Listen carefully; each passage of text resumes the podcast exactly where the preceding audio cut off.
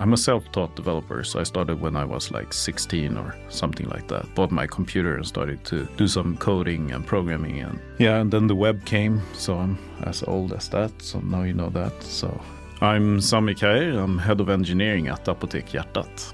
Uh, when the web came, I started doing some web development, uh, mostly front end. And yeah, I started my first job as 19 at the Stockholm Stock Exchange. And then I was surrounded with people that I could just learn from.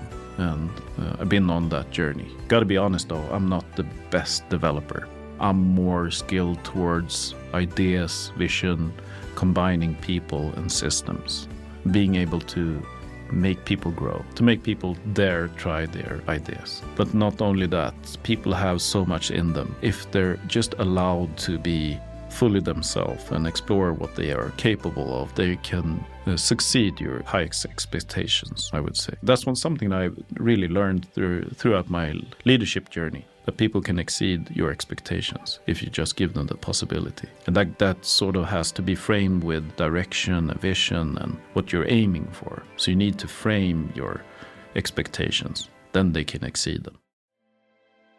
So, to be able to know if we're doing something good, we need to test and explore and validate our hypothesis. And we need to articulate the expectations that we have, the high expectations that we have, and then measure against them and see if we're moving against these high expectations. And it's not always easy because that means that you need to take risk as well. So, we need to be able to take controlled risk when innovating.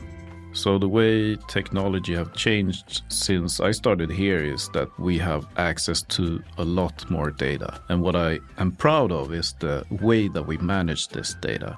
So when working with all this, um, this these data sets, we do the necessary gathering of consent and we take responsibility of this data.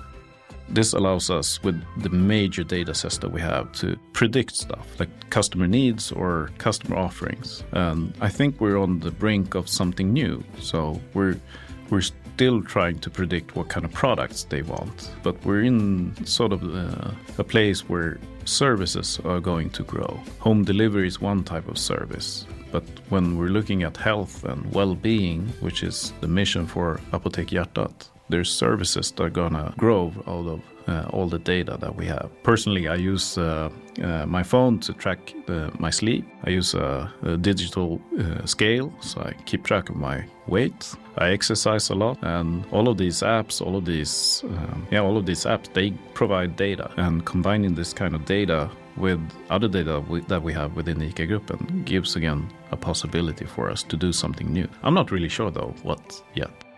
If I look into the future of Apotek Hjärtat, say five years, we would have combined more of our customer offering with ICA. That's one given. But then also looking into Min Doktor and the uh, that kind of service, that something should have happened in that space as well.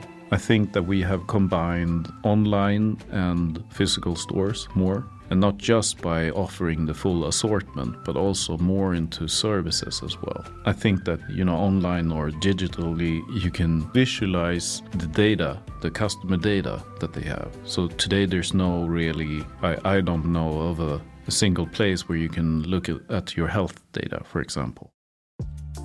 I think that the pharmacy could play a role here together with ICA Gruppen to, to visualize your health data and to give you as a customer the option or opportunity to make better decisions upon that data. And sort of we could be a hub where all of this data is available to you. That's something I, I think that we would do within the next five years. And then if you add on top of that, you add AI and maybe you have your own personal AI that could go through all of your data and, and provide you with insights or help you as a customer ask questions to us what we could do for you. I don't, I don't know. Maybe there will be a more of a collaboration with our customers even in five years. So I, I think that's actually going to happen. There's going to be more collaboration with customers, not just us presenting an offer and hope that they would convert. It would be something more of a collaboration where they tell us what they need and we help them with that. We use AI at Apotek Hjärtat today in a small scale, I would say but we have the possibility to go into the larger scale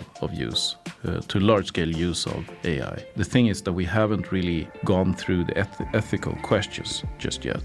So that prevents us from taking the next step or the next leap into AI. So it's not obvious to me that we can share information to an AI in you know any way. We need to make sure that we have some sort of a control applied to that. If we're not sharing personal data to the AI, then maybe we're fine. But when we are starting to share personal information, that needs to be in consent with the customers. So we need to make sure that we have that before going into large scale use of AI because the data gives you away. The data is you. So we need to make sure that we yeah, treat that data with respect and treat it in a secure way and make sure that you're in control. And that applies that we need to go through the ethical questions for real. And that's a discussion that's going on in the world at the moment. And, and it's interesting to be part of it, I would say.